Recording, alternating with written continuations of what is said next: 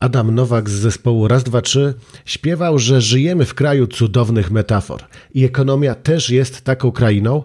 Co więcej, nie można tego bagatelizować, bo metafory są bardzo nośne, przemawiają do szerokiej publiczności i okazuje się, że mogą mieć ogromny wpływ na rzeczywistość. Bo ekonomia to także kraina samospełniających się przepowiedni. O co w tym wszystkim chodzi?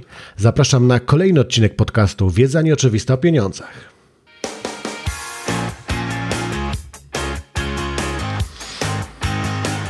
Trzeba pamiętać, że ekonomia tak naprawdę jest bardzo podobna do teologii, bo w obu przypadkach wiara odgrywa naprawdę wielką, wielką rolę. I tutaj też jest tak, że jeżeli dostatecznie dużo ludzi uwierzy, że inflacja będzie rosła, to tak się stanie. Nawet jeśli nie będzie jakichś prawdziwych makroekonomicznych powodów, to i tak do tego dojdzie, bo skoro ludzie będą się spodziewali podwyżki cen, no to będą też podwyższali swoje ceny, a inni będą to akceptowali, no bo skoro jest albo za chwilę ma być inflacja, to normalne, że ceny rosną. Dlatego tych, którzy potrafią się dobrze posługiwać metaforami, tak żeby przekonać ludzi do swojej wizji ekonomii, do tego, co się będzie działo, jak będzie wyglądała przyszłość, trzeba traktować bardzo poważnie, bo to są ludzie, którzy mają w rękach ogromną siłę. Dlatego tak dużą moc ma książka Kate Raworth zatytułowana Ekonomia obważanka. Ta autorka bardzo dobrze posługuje się metaforami. No właśnie, o co chodzi w tej tytułowej metaforze? Czym jest ekonomia obważanka? W oryginale to jest ekonomia pączków, ale pączki amerykańskie mają inny kształt, taki właśnie jak nasz obważanek, czyli jest po prostu dziurka w środku. I ona tłumaczy tak, że jeżeli byśmy właśnie spojrzeli na ekonomię, jak na taki obważanek, to cała filozofia polega na tym, żeby znaleźć się w tym, co jest obważankiem, nie w tej dziurze w środku i nie na tym, co jest na zewnątrz. Bo jeżeli będzie za mało, będzie permanentny niedobór, to po prostu będzie głód i to jest coś, co jest złe dla człowieka. Później wraz z odchodzeniem od środka pojawia się ten element, gdzie jest ciasto, i to jest ta bezpieczna przestrzeń, która według niej jest sprawiedliwa i gdzie powinniśmy się trzymać, gdzie nasze potrzeby zasadnicze są zaspokojone, a te potrzeby nie są rozbuchane. A ona uważa, że kapitalizm nas doprowadził do tego, że już jesteśmy poza tym obważankiem, gdzie znów jest niebezpiecznie, bo to jest destrukcyjne dla planety i w sumie też dla nas samych. Czyli ona postuluje, żeby trzymać się takiego pewnego zrównoważenia, takiego umiarkowania, że oczywiście nie oznaczać ma to pełnej ascezy, ale raczej dzisiaj w większości krajów, a na pewno krajów Zachodu, problemem jest nadmierna konsumpcja, nadmierna produkcja niż jakieś niedobory. Więc trzeba jej zdaniem podjąć bardzo radykalne kroki zaradcze. Problem polega na tym, że jej rozwiązania albo w ogóle są mało precyzyjne, albo nazwałbym je takimi marzycielskimi i w moim przekonaniu nie prowadzącymi do prawdziwego rozwiązania problemów.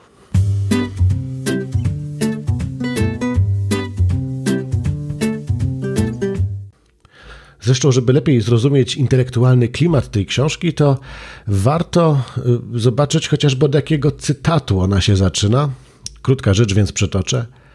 Najpotężniejszym narzędziem ekonomii nie są pieniądze ani nawet algebra. Jest nim ołówek, bo ołówkiem można narysować świat na nowo. I później już w samym zasadniczym tekście książki jest podobnie. Jeszcze jeden krótki cytat. Zadanie na XXI wiek jest jasne: tworzyć gospodarki, które przynoszą dobrostan człowieka w rozwijającej się sieci życia. Tak, byśmy mogli dobrze żyć w równowadze bezpiecznej i sprawiedliwej przestrzeni obważanka. Zaczyna się ono od rozpoznania, że każda gospodarka, od lokalnych po globalne, jest zintegrowana ze społeczeństwem i światem życia. Wszystko zgoda, ale to trochę takie zdania, żebyśmy wszyscy byli zdrowi yy, i żeby się nam żyło dostatnie i żeby było radośnie i, i żeby nie było żadnych problemów. No bo jak, ale jak to zrobić? Przecież potrzebne są bardzo konkretne recepty, bo przecież e, no, z tak postawioną diagnozą chyba każdy się zgodzi, że potrzebne jest jakieś e, myślenie o szerszym kontekście, pewne nawet też umiarkowanie. Myślę, że nawet osoby bardzo konsumpcyjnie nastawione są w stanie przyjąć taki punkt widzenia. Niestety Kate Raworth nie daje dobrych odpowiedzi albo w ogóle w wielu przypadkach nie dochodzi do konkretnych recept.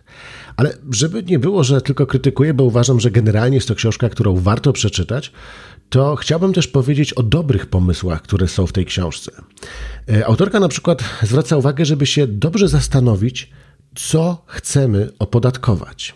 Bo cały nasz problem polega na tym, że w większości rządy przez całe wieki opodatkowywały nie to, co powinny, ale to, co mogły. Coś, co było łatwo opodatkować, kasa w budżecie się zgadzała, natomiast to doprowadzało do kuriozalnych sytuacji. Był czas, kiedy Wielka Brytania w XVIII-XIX wieku opodatkowała okna, to efektem były zaraz ciemne mieszkania, takie po prostu opłacało się budować. Jeżeli ktoś opodatkowuje pracowników, to niech się później nie dziwi, że za moment będzie to gospodarka bez etatów. I to też wiele krajów przerabia, w tym Polska też miała taką lekcję. Więc to jest rzecz zdecydowanie do przemyślenia i może się okazać, że tym, co powinno być opodatkowane zamiast pracy, e, zamiast dochodu, to majątek, bo to się akumuluje i to daje przewagę. Oczywiście temat wprowadzenia podatków majątkowych przy całym innym systemie podatków, które już występują, raczej nie spotyka się z życzliwym przyjęciem, no bo jak to kolejny podatek? Nikt nie wierzy, że coś z obciążeń podatkowych zredukują po to, żeby tam to wprowadzić. Natomiast kierunkowo to jest, uważam, bardzo dobre, logiczne myślenie.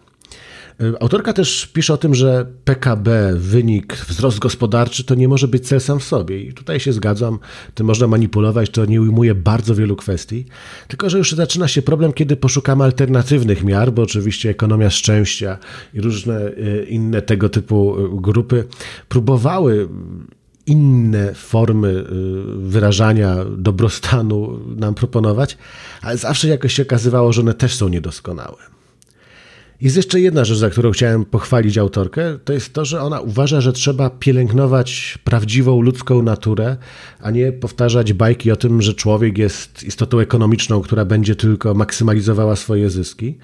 Co więcej, wspominałem o tym, że ekonomia to jest kraina samospełniających się przepowiedni i w tym przypadku tak jest. Jeżeli ludziom zbyt często będziemy powtarzali, że właśnie jesteście homo economicusami, którzy bezwzględnie kalkulują i zawsze perfekcyjnie to robią, to może tej perfekcji nigdy nie osiągną, ale będą bardziej egoistyczni. I ona powołuje badania, które przeprowadzono w Stanach Zjednoczonych, e, które pokazywały, że studenci ekonomii bardziej e, pochwalali egoistyczne działania, y, znacznie też mniej chętnie przekazywali pieniądze na cele charytatywne. To też dotyczyło kadry, nie tylko studentów. To też pokazują dane z Izraela. Y, to okaże się, że studenci ekonomii już na trzecim roku wartości altruistyczne, takie jak uczynność, uczciwość czy lojalność, będą uważali za znacznie mniej ważne w życiu niż studenci, którzy dopiero zaczynają swoją przygodę z ekonomią. Zatem po tych wszystkich kursach z teorii gier, z takich różnych y, rozwiązań symulacyjnych, które zakładają racjonalność człowieka i egoizm, no, w pewnym sensie staje się to do pewnego stopnia samo spełniającą się przepowiednią.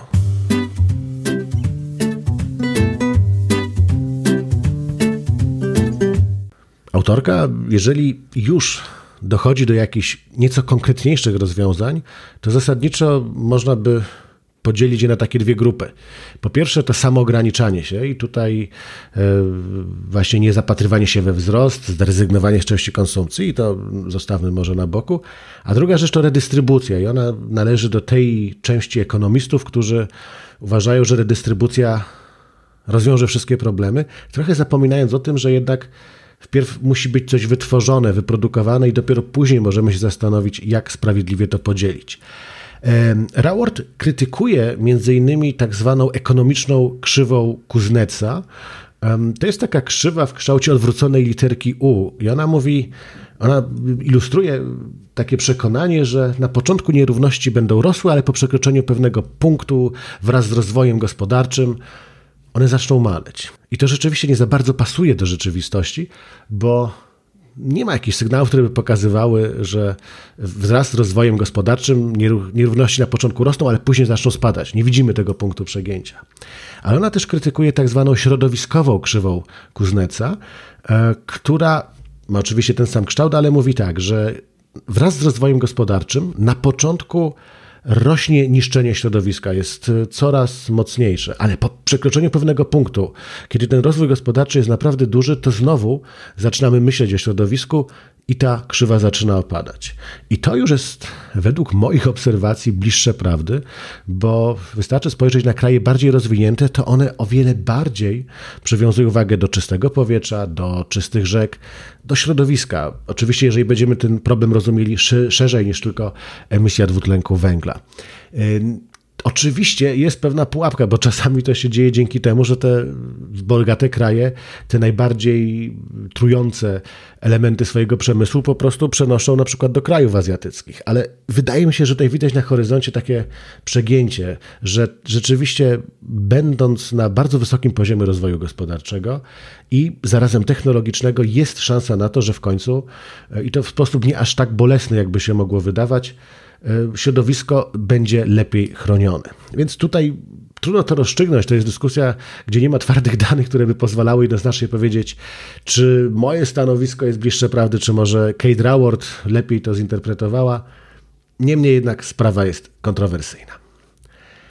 Na koniec chcę powiedzieć, że mimo tych wad patrzę na tę książkę z życzliwością, bo tematyka i, i, rekomendacje tam zawarte dotykają bardzo ważnego tematu i nie da się ukryć, że świat potrzebuje pewnego uwrażliwienia. No, byle tylko to nie było takie marzycielstwo, taka naiwność, która okaże się być może, że tak naprawdę utrudnia nam odnalezienie prawdziwych rozwiązań tych, nie ma co ukrywać, poważnych problemów. To wszystko w tym odcinku podcastu Wiedza nieoczywista o pieniądzach. Zapraszam na kolejny. Bartłomiej Biga, do usłyszenia.